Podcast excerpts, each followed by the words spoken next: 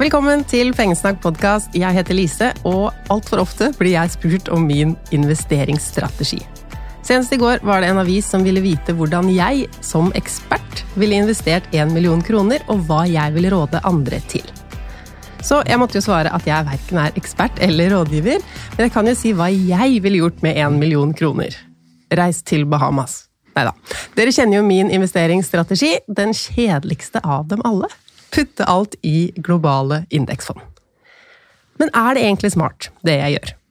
Når markedene har gått så bra som det har gjort de siste årene, så skal det jo ikke så mye til for å lykkes. Men hva med når det går nedover? Hvordan ser det ut da?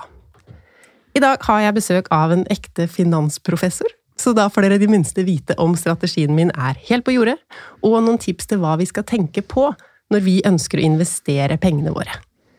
Velkommen til Pengesnakk podkast, Espen Henriksen. Tusen takk, Lise. Takk for at du vil bidra til at vi lærer mer, for det elsker vi å gjøre. Du jobber på BI som finansprofessor, og hva gjør du da? Underviser? Da, jeg underviser en del, og forsker en del. Det er de to uh, hovedgeskjeftene mine. Og hva forsker du på da? Så jeg forsker midt i skjæringsfeltet mellom uh, finans og tradisjonell makroøkonomi. Så da hvordan vi kan greie å bedre forstå hvordan uh, finansmarkeder og makroøkonomien for øvrig interagerer, altså hvordan de beveger seg sammen. Ja. Jeg skal innrømme at her er det Dette er litt som å bli forvirret på et litt høyere nivå. Altså at vi da ikke har alle svarene. Men det gjør også jobben desto morsommere. Ja, Det blir ikke kjedelig. Nei. Eh, og sånn privat, er du en sparer eller en sløser? Jeg tror jeg er ganske nøktern. Ja. Nå må jeg innrømme at Dette var et spørsmål jeg ikke var forberedt på overhodet, så nå følte jeg meg litt truffet her, men uh, jeg, skal innrømme at jeg jeg, jeg, er ikke av den typen som uh, får glede av å bruke penger. Nei. Da passer du bra inn her. Vi skal snakke om de valgene vi må ta når vi skal begynne eller fortsette med å investere.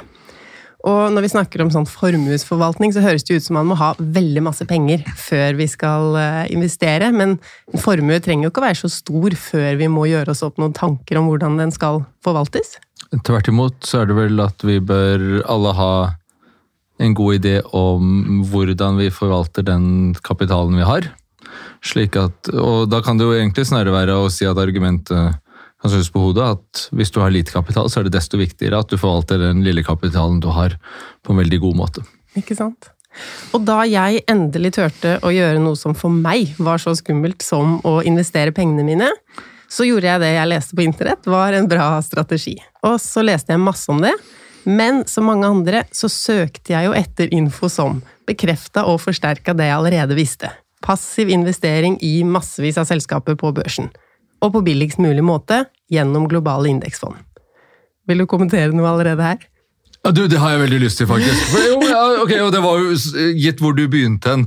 Da du begynte å snakke om hva jeg jobbet med som forskning, og, um, og hva jeg driver med uh, Jeg fyller dagene mine med så er det jo nettopp at denne ideen om indeksfond altså, er, var noe som var en abstrakt akademisk idé for omtrent snart 50 år siden. Eh, en som heter Paul Samuelsen, som skrev om dette. Og så tok det veldig lang tid før det tok og ble anerkjent.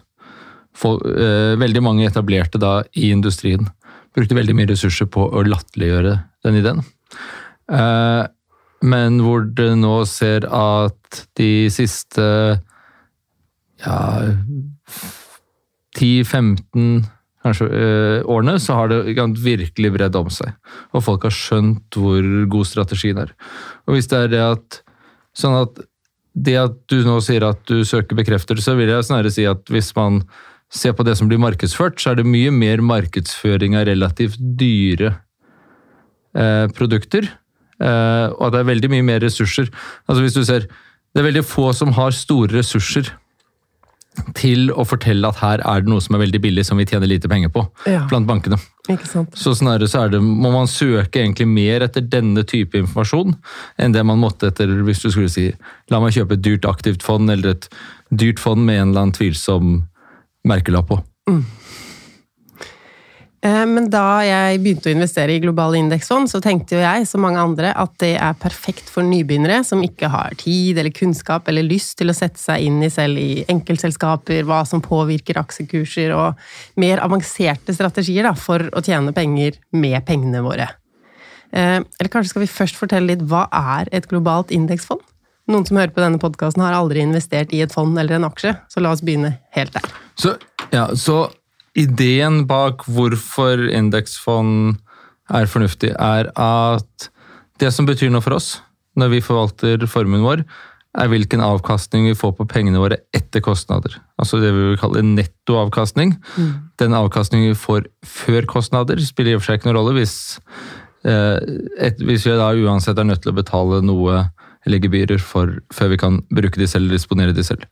Så hele ideen var at så Ideen bak indeksfond hviler på noe så enkelt som aritmetikk, altså at én pluss én er to.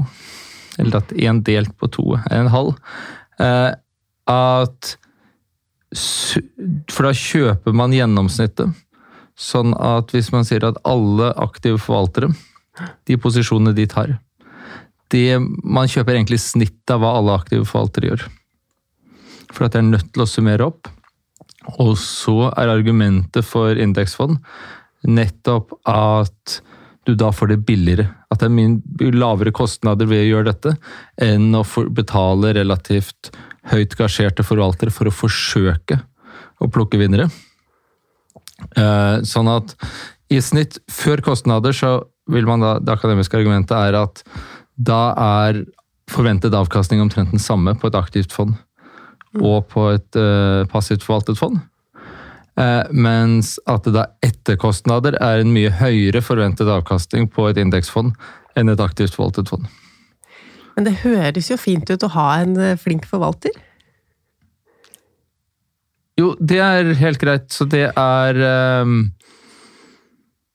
Så hvis du hadde vært helt sikker det er, det er, to ting man bør spørre seg, da. Mm -hmm. er liksom For det hjelper jo ikke at han er Eller la oss si hun hun er flink, eh, men at hun må være mye flinkere enn alle de andre. For dette er et veldig konkurranseutsatt marked. Mm. Slik at det hjelper ikke bare å være flink, du må være flinkere. Du må være, sørge for at den forvalteren som er god, må være den som forstår informasjonen som kommer til markedet, enda bedre enn alle de andre som er høyt gasjerte, for å forsøke å forstå hvordan informasjon, ny informasjon påvirker prisene. Mm. Og år etter år etter år. år, etter år. Ja. Og den andre, som kanskje er enda mer, som er kanskje et enda dypere poeng, er å spørre Hvis denne personen er så flink, hvorfor vil den dele de pengene med meg? Hvorfor vil ikke den personen, hvis vi alle forstår at den personen er så flink, hvorfor vil ikke den da ta det ut nettopp i høyere lønn, eller alternativt start, bare forvalte sine egne penger, hvor han slipper å dele den meravkastningen, altså den merverdien som skapes av det arbeidet hun gjør, med alle oss andre. Um, og i hvert fall disse to argumentene er veldig veldig kraftige argumenter da, for nettopp inndelingsfond. Og Hvis vi skulle ta også dette praktiske, så Det kan være at du kommer inn på dette, men det er jo at øh, Statens pensjonsfond utland, eller det vi ofte kaller oljefondet, er jo for alle praktiske formål et indeksfond. Eh, hvis vi tar og kjører analysen av variasjonen i avkastningen på fondet mot variasjonen i avkastning på den referanseindeksen som, eller indeksen som Finansdepartementet har gitt til Norges Bank for å forvalte fondet, så forklarer det i størrelsesorden 99,5% Altså praktisk talt all variasjon blir forklart av variasjon i denne referanseindeksen. Så dette er virkelig et indeksfond. Og det at vi da satte opp selv verdens største statlige fond som et indeksfond allerede på slutten av 90-tallet. Mm. Man var liksom virkelig foran kurven. Før, mens ingen, ingen norske nordmenn kunne få kjøpe indeksfond her i Norge. Så valgte vi å gjøre dette med de felles sparepengene våre. Og vi fortsetter å gjøre det. Så mm. gjør de en hel rekke andre sofistikerte ting på siden som kan være bra for oss, og hvordan de tilpasser sånn. Så dette er eh, utrolig dyktige folk i Norges Bank for implementeringen av dette. Men det fjerner ikke da eh, eller tar ikke bort det faktum at dette for alle praktiske formål er et indeksfond, selv for dette gigantiske fondet. Så når du sier at dette ikke er noe for Eller dette bare er noe for nybegynnere, men ikke mer for sofistikert, så vil jeg si at det finnes skapt noe mer sofistikert i Norge enn forvalteren av oljefondet. Ja. Og dette er også et indeksfond. Ja, det er kult. Eh, men en ting jeg lurer på, eller som mange lurer på, eh, som investerer eller har landa på at ok, så skal jeg investere i globale indeksfond. Og så er det jo mange globale indeksfond å velge mellom, og også ulike indekser. Kan du først forklare oss hvor, hva er en indeks, og hvorfor er det ulike indekser ulike fond følger? Veldig, veldig godt spørsmål. Ok, så eh, Utgangspunktet, i hvert fall når vi snakker om indeksfond For det, det, her er det litt eh, hva skal jeg si, Terminologien kan lure oss litt. Ja. Eh, sånn at når vi snakker om indeksfond, eller i hvert fall det argumentet som type akademiske argumenter for indeksfond, mer eller mindre det som oljefondet gjør, og tilsvarende, så er det det vi kaller markedsvektede indeksfond. Altså det betyr at vekten som de forskjellige selskapene har i indeksen, er proporsjonalt med markedsvekten. Sånn at når du kjøper et indeksfond da, så kjøper du omtrent gjennomsnittsaksjen, eller du kjøper gjennomsnittet. Det var nettopp det jeg sa ikke var argumentet i sted, for indeksfond. Man kjøper eh, gjennomsnittet, og så sier vi vi får gjennomsnittet billigere. Det er derfor dette er en god strategi. Ehm, men så har det da kommet opp en rekke ting som også kaller seg indeks, at man får delindeks. Altså man, får, man har jo åpenbart landindekser, det er åpenbart en indeks for Norge, Europa osv. Og, så og så kan du si du kan sette skru sammen noe sånt også på teknologi og tilsvarende. Fair nok, men da, da, du, da tar du egentlig et veddemål. Ja. Da begynner du å ta et veddemål på jeg tror, Bransjer eller bransjer eller regioner, ja, Mm. istedenfor å kjøpe bare et globalt indeksfond. Men det jeg tror man skal være forsiktig og styre litt unna, det er også som kaller seg indeksfond, men som egentlig ikke er det, som for eksempel de sier. De er likevektede. For okay. eksempel at alle, at alle selskaper for eksempel har samme vekt. Ja, så da betyr det at det blir ikke mer Apple, for eksempel? Eller kan du Ja, da, forklare? da, er du like, da, da er du like, for hvis du du kjøper et indeksfond nå, så vil det da, som er markedsvektet, så vil det ha en veldig stor vekt i, eh, ja, i Apple, Facebook, nettopp fordi at de har en høy, veldig høy markedskapitalisering. Ja. Mens en såkalt likevektet vil da ha like stor antall kroner investert i Facebook som i et mye, mye mindre selskap. Ja. ja. Men da er det nettopp det, det, Da holder ikke dette aritmetikkargumentet vårt lenger. Nei. Så da har du egentlig heller gjort et veddemål på små selskaper.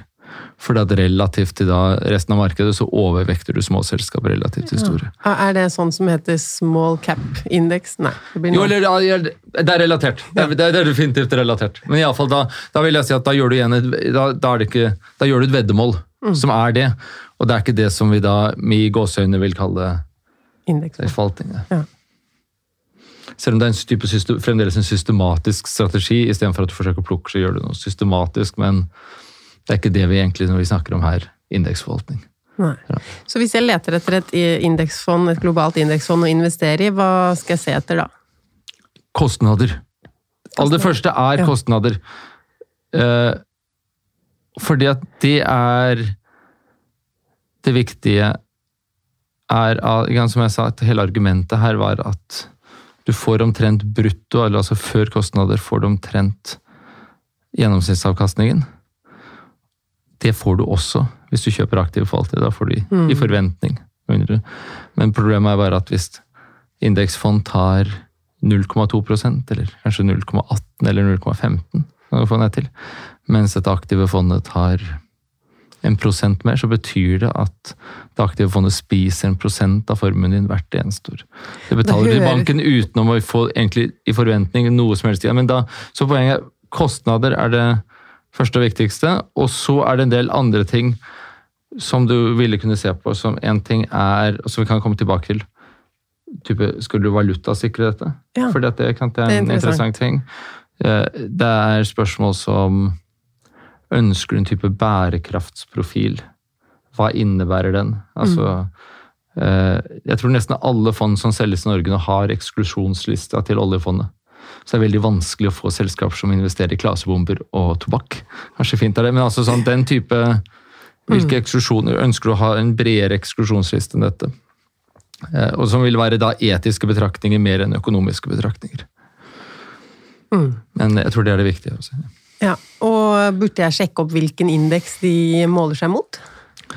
Altså hvis, det, ja, det, det burde du kunne gjøre. Altså, Om de da måler seg så De store globale indeksleverandørene er slik som det amerikanske selskapet MSCI. Eh, så ikke sant om det følger MSCI World, altså verdensindeksen, eller om det følger FTSE World. Men hvorvidt de følger MSCI eller Futsi, spiller i praksis fryktelig, fryktelig liten rolle.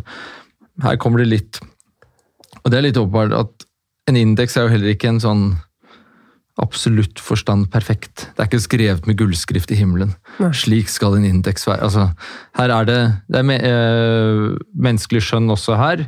Altså type hvor mange selskaper skal man ha, hvor skal man sette grensen for når man når de er med, når de går ut, hvordan går de med, hvordan går de ut. Mm. Det er noe som heter såkalt friflytjustering, som er eh, eksempel i skal slik som Equinor eller Telenor bør statens eierandel Norske stat eier ei- store deler av disse selskapene. Mm. Eh, staten er inne der antagelig av, også av andre grunner enn rent finansielle. Og de har ingen planer om å selge. Skal det være en del av denne Hvordan skal, hvordan skal man eventuelt justere vekt? Altså Det er en del sånne tekniske ting. Poenget mitt ved å si det er bare at eh, det går med en del skjønn. Men, og det skjønnet kan være forskjellig fra Futsi og MSCI. Men for oss som sparere så spiller det antagelig ingen rolle. Det er sånn. Eh, men en ting man hører av og til, er jo at eh, når alle, eller mange, sparer i eh, globale indeksfond, så blir den verdien på de selskapene kunstig høy, og at dette ligner på en boble etter hvert. Er det noe i det? Poenget- jeg har virkelig forsøkt å forstå det argumentet. Og da er det, ok, så er det åpenbart at antagelig er det jeg som er, for treg, og det går for sakte. Men hvis vi ikke er, så har jeg eh, La meg heller da argumentere hvorfor dette er så vanskelig. Altså fordi at Det er jo ikke noe slik at vi Da måtte det i så fall være at det er en boble i hele aksjemarkedet. Altså fordi at Her kjøper man jo bredt. Man kjøper hele aksjemarkedet.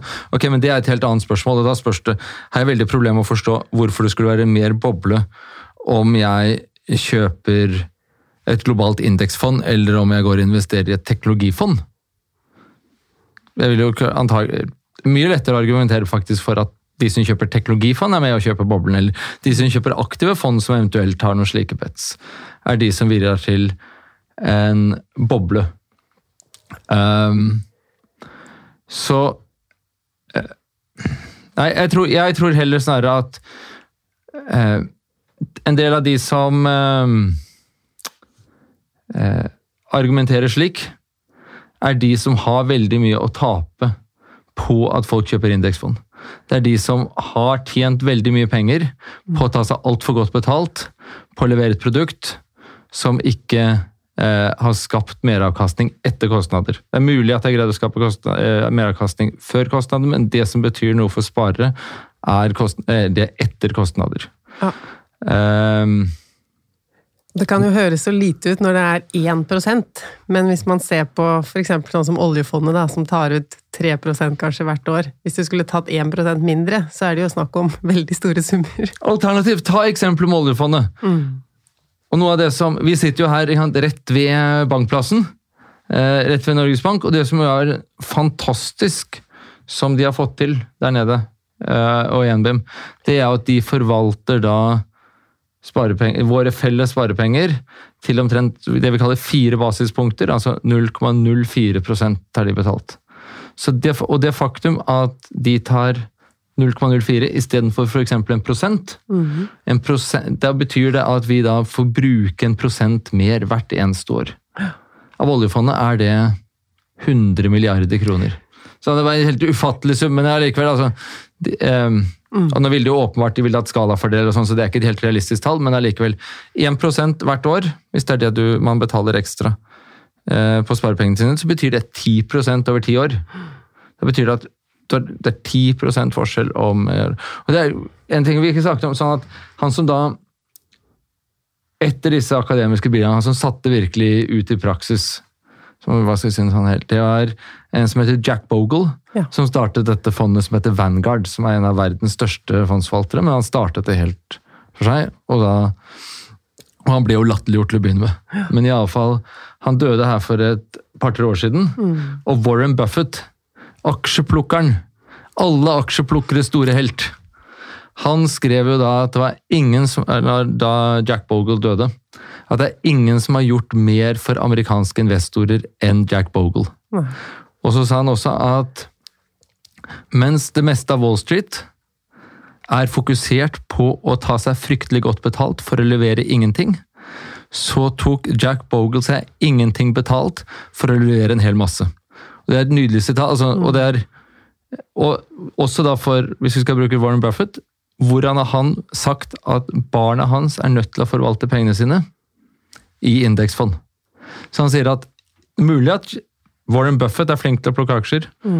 Han tjener penger på det selv, men han har faktisk selv ikke noe tro på at de som har fått hans gener og vokst opp i hans miljø, allikevel skal være noe flinke, så de er nødt til å få putte pengene sine i indeksfond. Og et argument eh, du har brukt også for å investere i eh, globale indeksfond, er jo at man da får tid til å heller konsentrere seg om andre viktige spørsmål i eh, investeringsstrategien sin eller økonomien, enn hvilke aksjer vi skal plukke. Kan du fortelle litt mer om det? Ja, sånn at For det er Hvis vi da først tar markedspriser Det som er ganske greit, er at hvis vi skal ha en idé om Hva er Yara verdt? Så kan vi bruke masse tid og sitte og tenke på dette. Tenke på råvarepriser osv. Eller så kan vi bare ta og slå opp på børssiden og så kan vi finne hva er prisen på Yara. Altså, den, den, oppgaven er noen løst for oss. Men den oppgaven ingen har løst for oss, det er å finne ut hvor mye Hvilken risikokapasitet har jeg? Hvor mye bør og kan jeg investere i aksjer? Hvor mye tåler jeg å tape? Hvordan er min avveining egentlig da mellom risiko og forventet avkastning? Så det er det ene. Ikke sant? Skal jeg investere i aksjer? Hvor mye skal jeg investere i aksjer? Det kan også være da mer sofistikerte spørsmål, slik som hvis jeg da kjøper dette, bør jeg ha et indeksfond? Nei, bør jeg valutasikre, mener jeg? Ja. Ikke sant? Sånn, hvordan er det jeg tenker Hvordan ser konsummønsteret mitt ut? Eh, hvordan er det valutasikringen? Eh, hvordan og Hvis man skulle begynne å grave enda litt mer dypere, så er det mye mer fornuftig egentlig å bruke tiden sin på å se hvordan ser egentlig pensjonen min ut? Hvordan er den investert? Fordi jeg da sparer av sparepengene mine for øvrig. Jeg burde jo se det egentlig strengt tatt i sammenheng med eh, pensjon, altså all sparing jeg faktisk gjør. Hvordan ser denne aksjeandelen ut? Eh, hvordan er det eventuelt noen regler om de endrer aksjeandel underveis? Hvordan tilpasser jeg disse tingene? Eh, også tenke grundig som en del av dette eh, si, min risikobærende kapasitet. Hvilke utgifter er det jeg vil ha? Hvor faste er disse? Hvordan skal jeg sørge for at jeg møter de? Hva er tidshorisonten min egentlig på sparepengene? Hvordan tenker jeg på bolig?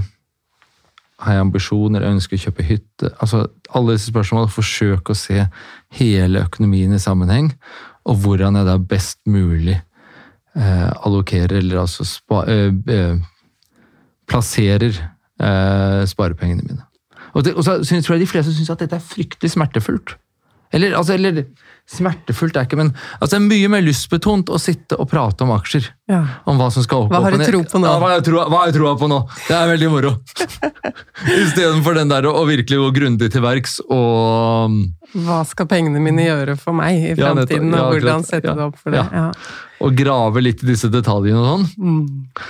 Skikkelig kjedelig, kanskje litt smertefullt også, og så, men allikevel det at indeksfond, som er bra i seg selv, men i tillegg kan det være nærmest å binde seg selv litt i masten, og forplikte seg til å gjennomføre, eller gjøre dette som da både er eh, litt kjedelig og litt smertefullt. Ja, og jeg har jo ikke noe imot hvis noen har som hobby å eh, kjøpe og selge aksjer. Men hvis du ikke har det som hobby, da, og heller kunne bruke tiden din på å kanskje finne en helt annen eh, inntektskilde og putte mer inn i global indeksfond, enn å sitte og lure på hvordan du skal klare å skaffe deg en meravkastning uten at du har den interessen. Helt enig. Altså, det var ikke sånn, så Hvis noen syns, hvis, hvis, hvis syns dette er gøy, hvis dette er hobby, for all del, det var ikke sånn, men ja. Ja. Um, hvis vi ser på det oljefondet igjen, da. Norge, altså Pensjonsfond utland. De har jo også en del rentepapirer. Ja. Burde jeg ha det i min investeringsportefølje? Ja og nei. Altså, så, ja, så det, her kommer det igjen. Ikke sant? Dette er de veldig de store og viktige spørsmålene. Um, så eh, ene er at da er dette spørsmålet ikke sant, hvordan vi skal ha type aksje- eller egenkapitalinstrumenter versus fremmedkapitalinstrumenter. Altså, obligasjoner, bankinnskudd, alle slike ting. Så jeg tror det enkleste er å først tenke på aksjer og bankinnskudd, og så kan vi heller tenke på denne bankinnskudd-biten etterpå. Ja. Ehm, og da er det jo igjen, sant, hvis man ønsker det som en type risikodenker, men har likevel et langt perspektiv, kan det være fornuftig å da vurdere å sette pengene i type obligasjonsfond eller pengemarkedsfond istedenfor å ha det i banken. Altså se på renten og se på, og se på hvilken durasjon. Det som er spørsmålet allikevel er NBIM har faktisk, eller altså Norges Bank har skrevet ganske godt om det i et sånt diskusjonsnotat om eh, det jeg er verdt å se på. Ja. Eller for, for de som ønsker å nerde seg litt ned i det. Uh, ja, for dette er, mer, dette er virkelig for nerdingen. Men i alle fall da rollen til en obligasjon, eller såkalt selskapsobligasjoner i en global portefølje. Ja. Og hvor deres argument er strengt tatt, selv om de har det i sin portefølje, Ja. så er de, ikke, de er ikke helt åpenbart hva det fordi at, at selskapsobligasjoner både har en del egenskaper til statsobligasjoner, altså obligasjoner utstedt av stater, og de har en del av egenskapene til aksjene i det selskapet de er utsatt fra. Altså de type, litt av den samme type Eller Ja. risikoen er en kombinasjon av disse to risikoene. Så da sier Norges Bank, i hvert fall dette er min oppsummering, er at det er ikke helt åpenbart at selskapsobligasjoner gir så mye mer til en portefølje. Altså at um, både når det gjelder risiko og avkastning, så kan man kanskje Istedenfor å putte selskapsobligasjoner inn, så øk aksjeandelen litt, og så har man den kombinasjonen av statsobligasjoner og, og rentepapir. Ja. Men det andre jeg tror også, det, men dette er også en ting som er viktig. Det er å i hvert fall sånn, eller nå De siste årene så har rentenivået i Norge vært litt høyere. Så eh, det ville jo både av rene kapasitetsgrunner, men også en del andre økonomiske grunner ikke være mulig for oljefondet å være investert i norske statsobligasjoner. Altså det staten skulle kjøpt. Ja. Men det er jo mulig for andre. sånn at her er det en grunn, liksom, som, Hvis man skulle si jeg bruker oljefondet som mal, dette synes jeg er et godt utgangspunkt. Dette er veldig flinke folk som har satt sammen. Eh, så jeg tar det som utgangspunkt for også mine private investeringsstrategi. Forsøker å replikere dem. Mm. Strålende. Eh, så tror jeg det er er- her er et sted hvor man kunne vurdere å avvike. Og si at istedenfor å ha denne globale obligasjonsporteføljen, kunne jeg hatt en type obligasjonsfond med norske statsobligasjoner. Ja. Eventuelt norske pengemarkedsfond. Men betyr det at du tenker at man må ha noe annet, eller kunne man vært bare 100 i globale indeksfond? Og hva avgjør hvor mye? Skal jeg ha 10 eller halvparten? Det har det med noe annet enn horisont å gjøre? Jeg skjønner jo f.eks. at eh, som en student og en som snart er pensjonist, må vekte dette litt annerledes, men Jeg jeg vil faktisk, men her vil jeg, ok, bare for å utfordre litt, Ja. så vil jeg si at det kan jo være at pensjonisten bør ha 100% aksjer, og studenten ikke bør ha det. Altså bare sånn for men nå skal jeg ta det vil forklare jeg det, gjerne høre. Og det er jo at hvis pensjonisten sier at Ok, hvis det er en pensjonist som sier hus og hytte er nedbetalt, som er fornøyd med den pensjonen man får utbetalt gjennom den pensjonsordningen man har, eh, og som egentlig er fornøyd bare det er snø om vinteren og de får gått på ski og spise havre altså Et eller annet som har det fint og liksom kan gi noen gaver til barnebarn. Så kan det være at de pengene de sparer, de er reelt sett for barnebarn. eller altså det er ting man intenderer å gi arv, da er den effektive horisonten faktisk lang. Altså sånn at vi ikke tenker for naivt på horisont, men da tenker på de utstående forpliktelsene. Mens denne studenten kan være at sier at ok, jeg er et år eller to igjen av studiene, og nå, så fort jeg er ferdig med studiene, så ønsker jeg å kjøpe bolig. Da trenger jeg egenkapital. Det kan være at man da sier og nå har jeg nok egenkapital. Jeg er faktisk villig til å ikke ta altfor mye risiko med dette. For jeg ønsker, jeg ønsker ikke det tilfellet. Hvis børsene skulle falle 20% så ville ikke jeg ha egenkapital til den boligen jeg skulle ønske å kjøpe. Ja. Altså sånn, så igjen så er det dette å tenke grundig på hvilke planer man har. For det at Hvis den studenten faktisk sparer til pensjonstilværelsen, så er det helt greit. Og den pensjonstilværelsen, da kan det være at de har nok penger uansett, så da, da er det egentlig et sånn evighetsperspektiv allerede. Men iallfall tenke grundig på hvilket perspektiv det er, og hvilke utestående forpliktelser man har, og hvordan ja, ut. Hvis det Ja, bra. Eh, I en avis før jul så sa du at vi kan forvente lavere avkastning i aksjemarkedet de neste ti årene enn vi har hatt de forrige ti. Er det fordi det har gått så bra før, eller er det fordi det kommer til å gå dårlig framover? Eller hvordan? Jeg skal ikke spå! Jeg skal ikke spå. Uh, men jeg tror det er fryktelig, fryktelig fryktelig viktig Eller hvis det er én ting Ah, Hvis det er én ting man skal ha med seg fra denne podkasten, så tror jeg bare at vi kan ikke forvente at det fantastiske oppgangsmarkedet vi har hatt de siste ti årene, kommer til å fortsette. Og det er rett og slett bare fordi at de siste ti årene har vært helt eksepsjonelle. Sier jeg at det ikke kan skje? Nei, det gjør jeg ikke. Altså, det kan godt skje, men det er ikke noe vi bør basere sparebeslutningene våre på. Vi bør basere sparebeslutningene våre én på at den forvent, altså avkastningen ut høyere enn aksjer, nei, enn bankinnskudd vil være mye lavere.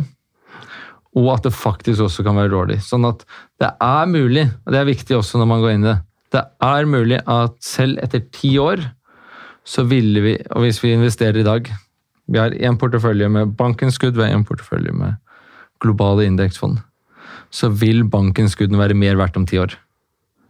Jeg sier ikke at det er sannsynlig, Nei, nei. men at det er den type risiko vi tar. sånn at det er litt viktig å tenke på Jeg skrev nettopp nå i forbindelse med investeringsstrategi for oljefondet, og så sammenlignet han nettopp bare at vi må erkjenne at vi har hatt utrolig mye flaks. Og det er litt som om Norge har utstedt, vi har solgt brannforsikring. Og så er ingen av husene vi har utstedt brannforsikring til, brent. Altså, så vi, bare fått, vi, har, vi, har, vi har tjent penger på å selge forsikring utenom at noen har kommet til. ut Ja, Ja. Og det ta parallellen, det å kjøpe aksjer, det er litt som å selge forsikring til resten av verden. Vi sier vi tar, vi tar støyten om noe galt skulle skje, og så har ikke noe riktig galt skjedd. Mm.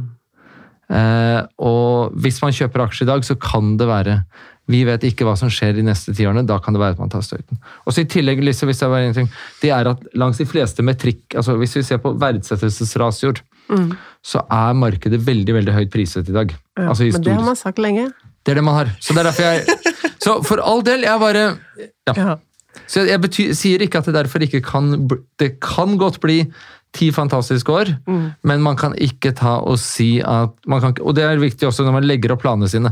Det er ikke sånn at jeg sier at hvis jeg sparer disse, så kommer jeg til å få 5% avkastning hvert år de neste ti årene. Så de, og det er det beløpet jeg kommer til å bruke. Altså legge opp planer er rett. Man må legge opp planer for at dette er penger som kom, kan variere veldig. At det kan bli en veldig humpete ferd. Men kan man si noe da om forventa avkastning i løpet av en tiårsperiode?